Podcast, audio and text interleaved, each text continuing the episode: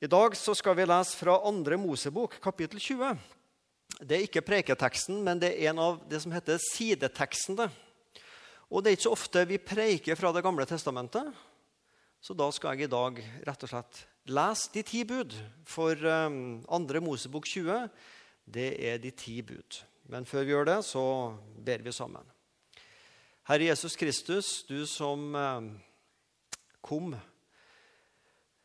med nåden og sannheten. Moses kom med loven, men du kom med nåden og sannheten. Vi takker deg for at uh, vi har en Gud som har gitt oss de ti bud, og vi har en Gud som har gitt oss sin egen sønn i deg. Herre, åpne ditt ord for oss når vi skal dele det noe sammen. At vi får se djupere inn i ditt ord og bli mer kjent med ditt ord og bli mer glad i deg, Gud. Amen. Så det er skrevet her å vokse i erkjennelse og erfaring hvem, hvem Gud er, og hvem Jesus er, og hvem eh, jeg er. Gud, jeg og Jesus. Det skal vi forhåpentligvis få se litt mer av. Vi skal lese altså de 17 eh, første versene i andre Mosebok. Gud talte alle disse ord. Jeg er Herren din Gud, som førte deg ut av Egypt, ut av trellehuset. Du skal ikke ha andre guder enn meg. Du skal ikke lage deg noe gudebilde eller noe slags bilde av det som er oppe i himmelen eller nede på jorden eller i vannet under jorden. Du skal ikke tilbe dem og ikke dyrke dem, for jeg, Herren din Gud, er en nidkjær Gud. Jeg lar straffen for fedrenes synd komme over barn i tredje og fjerde ledd når de hater meg. Men jeg viser miskunn i tusen ledd mot dem som elsker meg og holder mine bud. Du skal ikke misbruke Herren din Guds navn, for Herren lar ikke den som misbruker Hans navn, være skyldfri. Kom hviledagen i hu, så du holder den hellig. Seks dager skal du arbeide og gjøre all din gjerning, men den sjuende dagen er sabbat for Herren din Gud. Da skal du ikke gjøre noe arbeid, verken du selv eller din sønn eller din datter, verken din trell eller din trellkvinne eller ditt fe eller den fremmede som er hos deg innenfor dine porter. For på seks dager gjorde Herren himmelen og jorden, havet og alt som er i dem er. Og han hvilte på den sjuende dag. Derfor velsignet Herren sabbatsdagen og helliget den.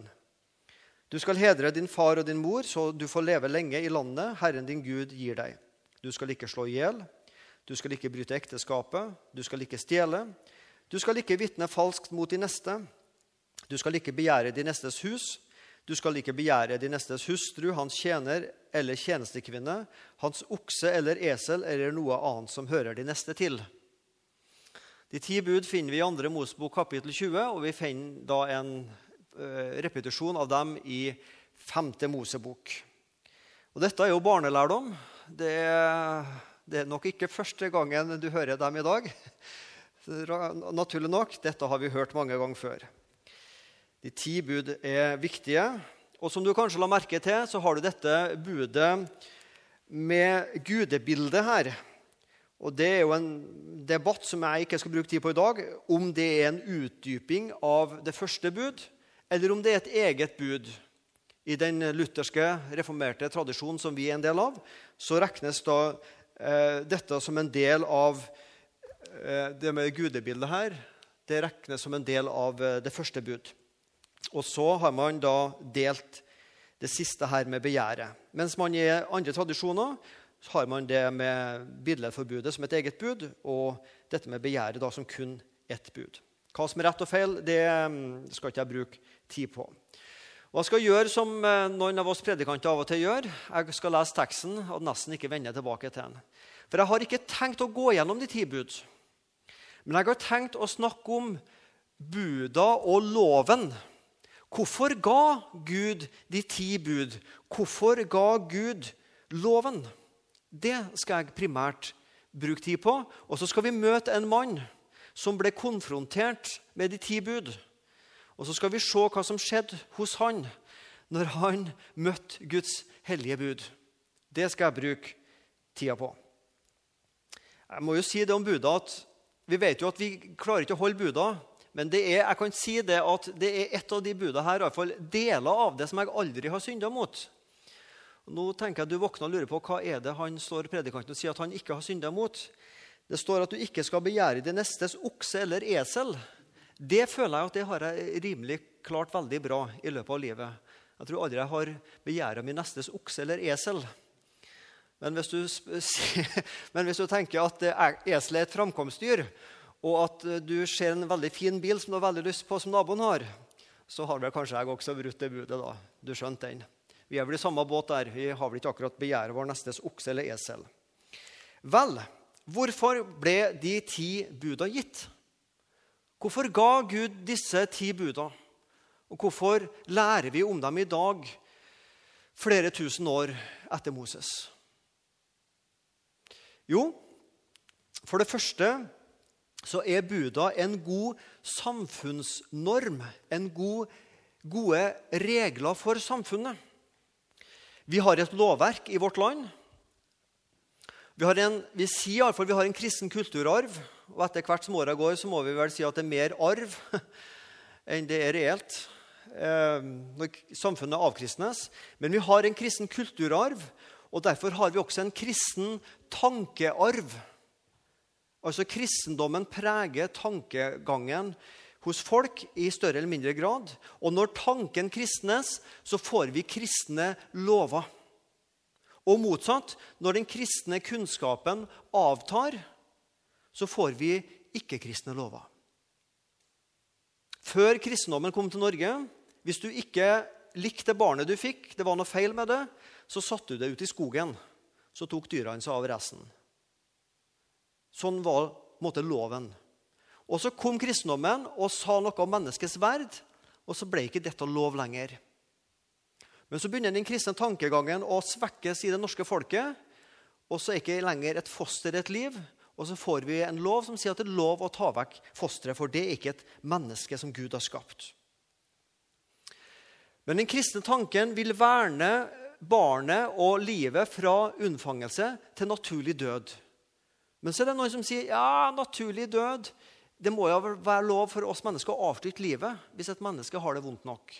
Og så får du problematikken i forbindelse med det som heter aktiv dødshjelp. Og Det handler mye om at den kristne tanken og respekten for at Gud er skaper og herre, forsvinner.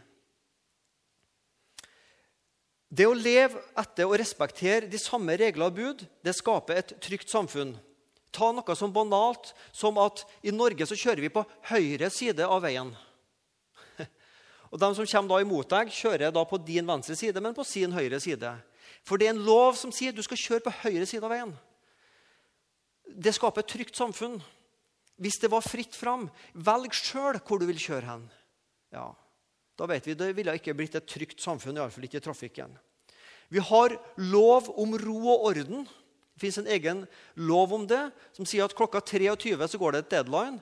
Etter klokka 23 så kan du ikke spille dunk-dunk-musikk så høyt som du vil. Og Hvis du gjør det, så kan du ringe til politiet og si at de må gå til naboen og be om dempe musikken. Fordi vi har en lov som sier noe, og som skaper en trygghet, og, og som skal være god for alle sammen. Vi har grenser, vi har gjerder mellom oss og naboene. Det er godt du vet hva grensa går hen, for da vet jeg at dette er mitt, og dette er ditt. Hvis vi sier nei, vi føler oss fram til hvor grensa skal gå, ja, da skjønner vi, da blir det krangling. Men grensegjerder skaper trygghet. Og slik er også lova noen grensegjerder som skaper trygghet i samfunnet. Jo, men buda begrenser friheten min, vil folk si. Og det er sant. Bud og lover og regler begrenser jo friheten vår. Visst gjør det det. Problemet er bare det jo mer frihet vi har, jo mer lover og reguleringer må vi ha. Hva er det landet i verden som vi tenker på der friheten er mest til stede? Da vil mange av oss tenke jo det må være USA. Det er frihetens land. Jo, men det ikke et, Sannsynligvis så ikke et land i verden som har mer lover og reguleringer enn USA. For man må regulere menneskets frihet. For hvis friheten leves fritt ut, så går det gale. Derfor må du regulere med bud og regler av friheten. Tar du poenget? Frihet må reguleres. Tenk et samfunn som levde etter og praktiserte i ti bud. Det ville vært godt å være forelder. Det ville vært godt å være eldre, trygt og godt å være gammel og gå ut på gata sjøl om det var mørkt, uten frykt for vold og bli slått ned eller stjålet veska fra. Du, det ville vært et samfunn der vi kunne stole på alle, at ingen løy. Konene kunne slippe å frykte for at mannen skulle slå dem eller være utro. Ingen behov for nøkler, ikke behov for alarm ute i gangen. Ingen behov for Securitas. Ja, du tar poenget. Et samfunn der folk levde etter de ti bud, ville vært et fantastisk godt samfunn. Så Gud ga de ti bud som gode normer for samfunnet.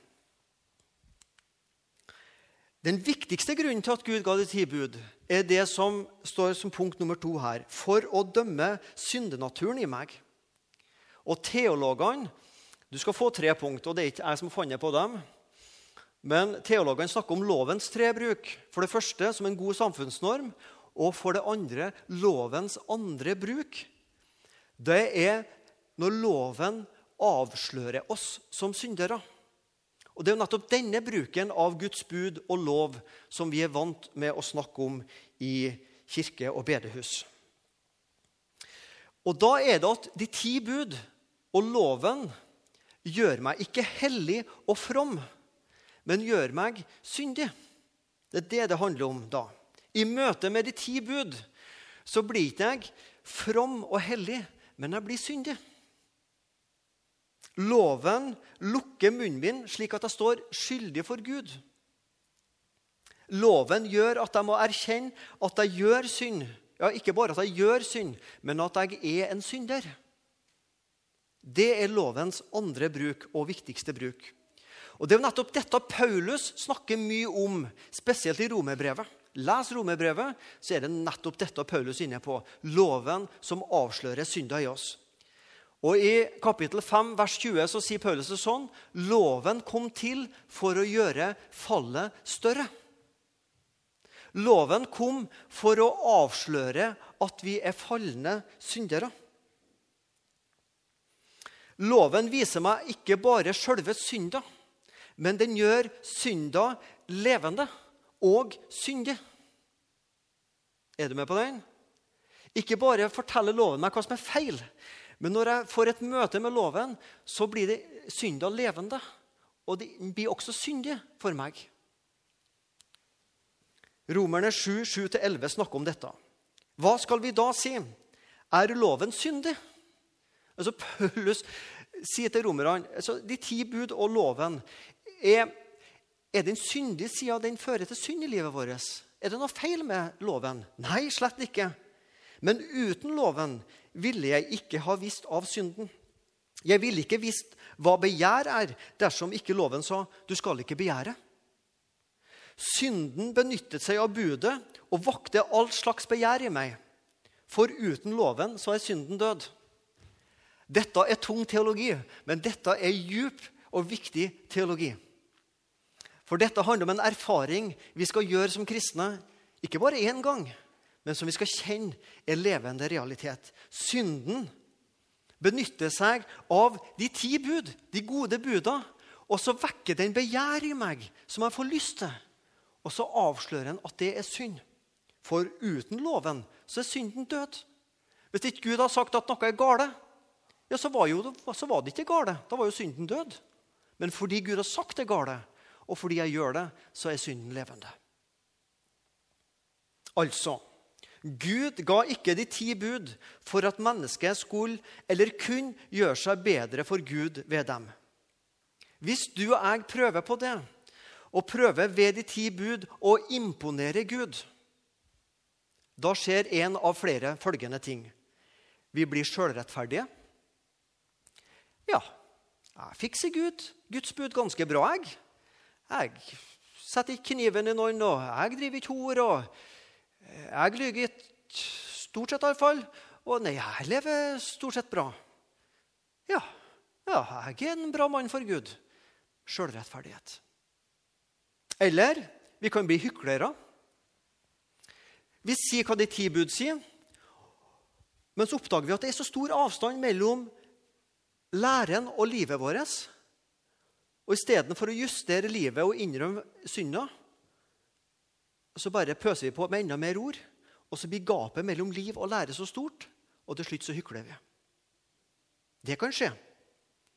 Eller vi blir stolt og hovmodige. Ja, når jeg sammenligner meg med den og hun og han, og ikke minst han Og kjære folk, jeg lever mye bedre etter de ti enn dem. Og ja da. Når vi sammenligner oss, så blir vi enten hovmodige eller vi blir mismodige. For hvis du sammenligner deg med dem som gjør det bedre enn deg, så blir vi mismodige. Så loven kan også gjøre oss mismodige. Og så kjenner jeg til slutt Nei, dette fikser ikke jeg. Jeg klarer ikke å leve sånn som Gud vil. Og så gir man opp hele kristendommen. Sjølrettferdig, hykler, stolt og hovmodig eller mismodig. Dette kan vi bli i møte med loven hvis ikke loven fører oss til Kristus. Så vil dette skje en eller flere av disse tingene. Gud gav de ti bud for at du og jeg skal vokse i erkjennelsen av at Gud er hellig, og jeg og du er en synder. De ti bud, når du leser dem, så skjønner vi at Gud er hellig, og vi skjønner at du og jeg, vi er syndere.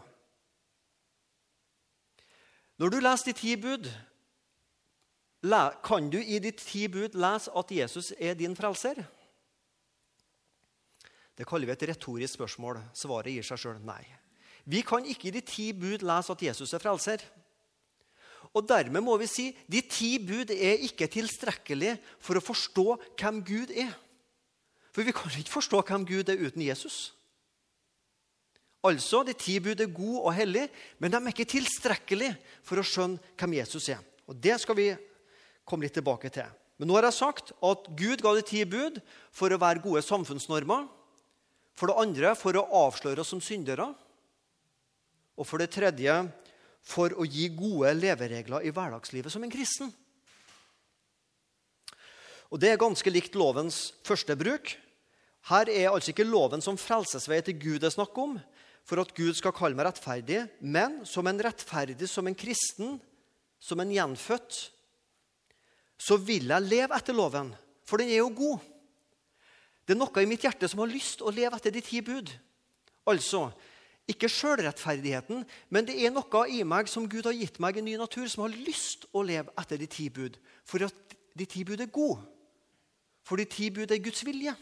Så har du lyst å leve etter de ti bud som en kristen. Det er lovens tredje bruk. Og de verdiene som Den hellige ånd gir oss, de er ikke noe annerledes enn de ti bud.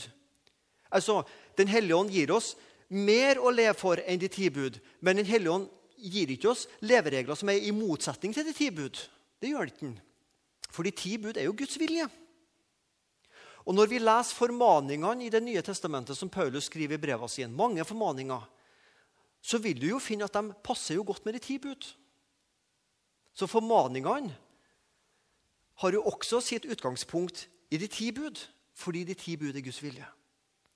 For å oppsummere Gud ga de ti bud og loven som gode samfunnsregler for å avsløre oss som syndere og for å gi oss gode leveregler som kristne. Men så handler det om dette, som jeg skriver her, å erfare de ti bud i hjertet. Og Det er lovens andre bruk, som er den viktigste. Og Da spør jeg, og så får vi svar for oss sjøl. Syns du at du merker mye til synd i livet ditt?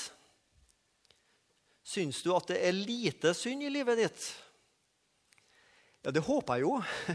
Det er jo flott hvis vi opplever at det er lite synd i livet vårt. Det er jo ikke mål i seg sjøl å ha mye synd. Men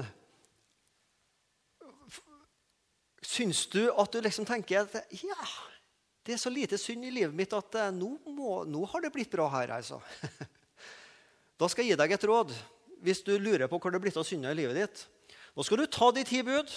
Og så skal du bestemme deg fra i dag, når du går ut fra misjonshallen her om en eh, god halvtimes tid, og til du kommer tilbake på samlingsfesten neste søndag, da er det ei uke, så skal du bestemme deg i denne uka som kommer foran nå, så skal jeg av all min vilje, kraft og forstand leve etter de ti bud. Jeg skal prøve alt jeg kan å leve etter de ti bud. Og Det er jo en god bestemmelse. Men jeg skal love deg, hvis du prøver det, så skal du sannelig få erfare synda i livet. Hvis du virkelig går inn for av hele ditt hjerte, sjel og vit og forstand å leve etter ti bud, da skal vi sannelig få erfare at synda er levende i oss også. Da vil vi erfare de ti bud i hjertet.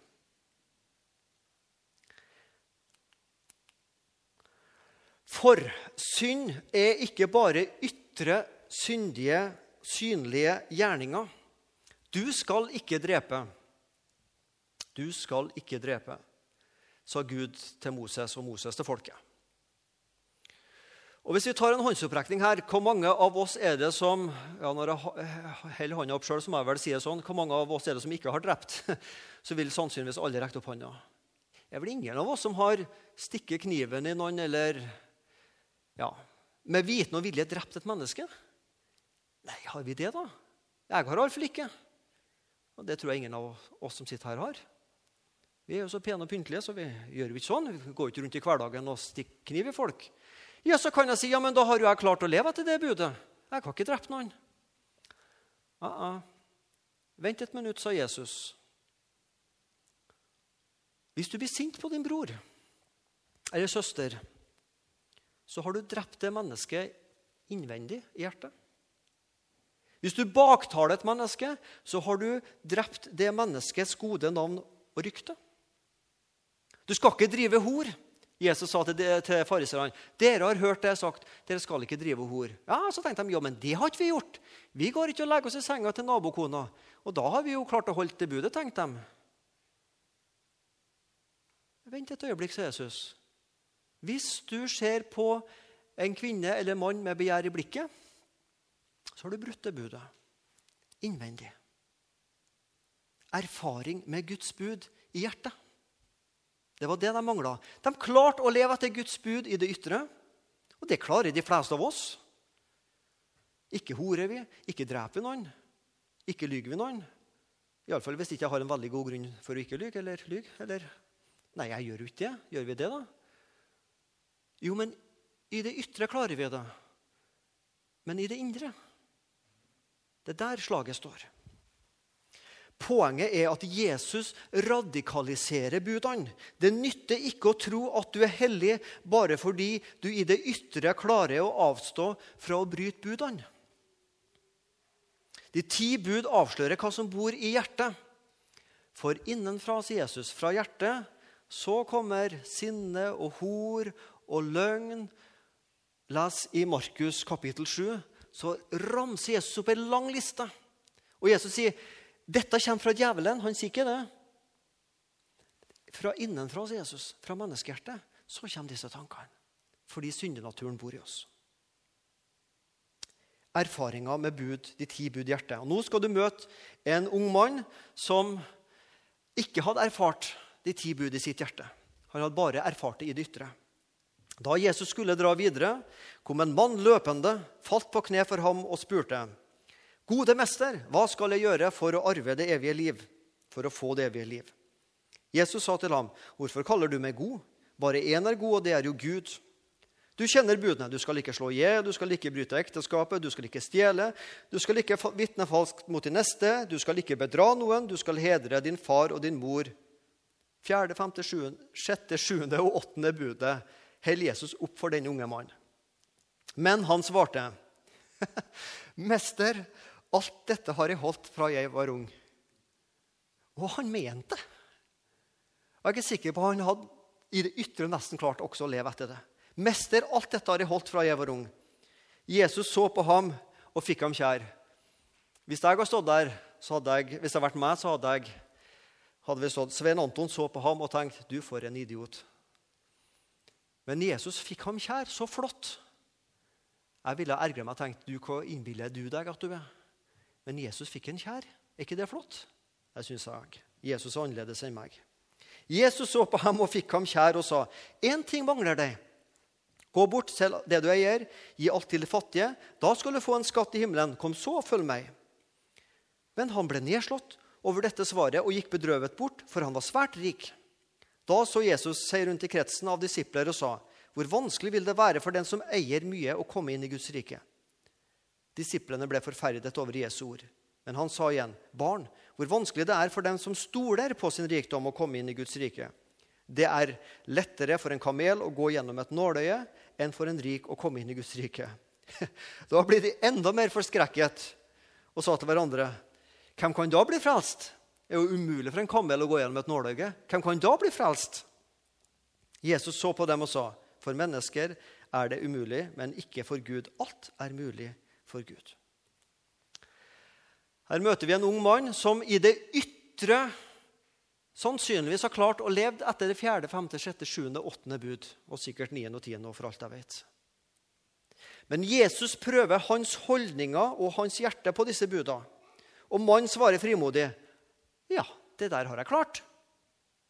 Problemet var bare at buda ennå ikke hadde sluppet til i hjertet på mannen. I det ytre hadde han nok mer eller mindre klart å leve helhjertet etter disse buda. Men han hadde ingen erfaring med disse buda i sitt hjerte. Han var ren i det ytre, men han var ukjent med sitt eget indre. Og Det var nettopp det Paulus snakka om i romerbrevet. At en gang så levde jeg altså Jeg, jeg, jeg kjente loven, men, men, så plutselig en dag så ble loven levende for meg. Og så så jeg synda i hjertet mitt. Det er det Paulus snakker om i romerbrevet. Det er det denne mannen mangla erfaring. Og det er det spørsmålet blir for deg og meg. Har vi erfart Guds lov på denne måten? Det er en helt avgjørende måte på for å få et nært forhold til Jesus. Og Når vi opplever Guds lov sånn at det dømmer oss hjertet, da kan vi enten bli som denne mannen, bli hovmodig og sjølrettferdig. 'Dette har jeg klart.' Eller vi kan bli mismodige og si at kristendom det makter ikke jeg. Eller vi kan kapitulere og si 'Jeg klarer ikke kristendom, men Jesus, du er min eneste redning. Da har loven, de ti buda, ført oss til Kristus. Den rike mann gjorde seg noen erfaringer denne dagen. Han vokste i en erkjennelse av hvem Jesus er, mester. Han vokste i en erkjennelse av hva som er det viktigste her i livet. Hva skal jeg gjøre for å få evig liv? Han hadde skjønt at Jesus var mester. Han hadde skjønt at det viktigste i livet det var å få del i det evige liv. Men dessverre så vokste han også i erkjennelse av stolthet i egne øyne og i erkjennelsen av at penger og rikdom var egentlig skatten i hans hjerte. Det var det som betydde mest.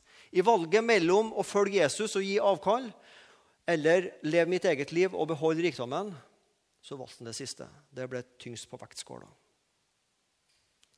Disiplene fikk også en lærdom denne dagen. De vokste i erkjennelsen av at det er vanskelig å komme inn i Guds rike.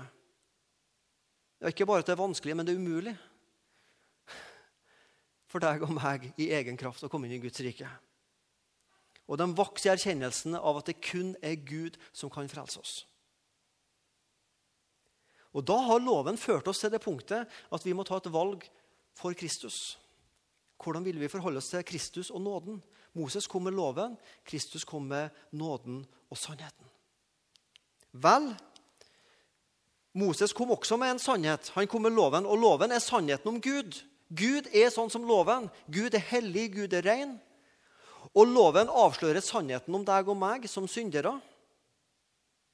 Men loven kan aldri avsløre evangeliet Jesus. Alt er mulig for Gud gjennom evangeliet Jesus Kristus. Det kan ikke loven få oss til å forstå. Fordi vår menneskenatur kan ikke forstå det. Loven er maktesløs pga. synda i oss menneskenaturen. Du kan ta deg en tur på havna her i Sandnes så kan du se noen av de store kranene. Der er det kraner som kan løfte på tonnevis av kilo. Du kan ta en sånn kran og så kan du dyppe henne ned i vannet. Og så kan du ta krana, ikke, ikke krana, da, men sånn kloa opp igjen. Hvor mye vann får du med deg? Ingenting. Jo, men denne krana kan jo 10 tonn, 100 tonn. Jo, men Det er ikke feil med krana, det er feil med vannet. Det er ikke hold i vannet. Det er ikke noe feil med loven når den senker seg ned i ditt og mitt hjerte. Men det ditt og mitt hjerte det er feil med. Det er ikke hold i hjertet. Derfor er det evangeliet som må senkes ned i ditt og mitt hjerte. Det er kun det som kan vise oss Kristus. Denne unge mannen gikk bort fra Kristus. Han hadde mulighet den dagen å si ja til Kristus. Men han sa ja til seg sjøl, og han sa ja til mammon. Han gikk bedrøva bort, og Jesus sto bedrøva igjen. Hva gjør du og jeg i møte med loven, i møte med Jesus? Kjære Jesus Kristus, takk for at du har gitt oss loven. Hjelp oss å forstå hvorfor du ga loven, for å avsløre oss. Og hjelp oss til å gå til deg, Jesus, og din nåde når loven avslører oss. Amen.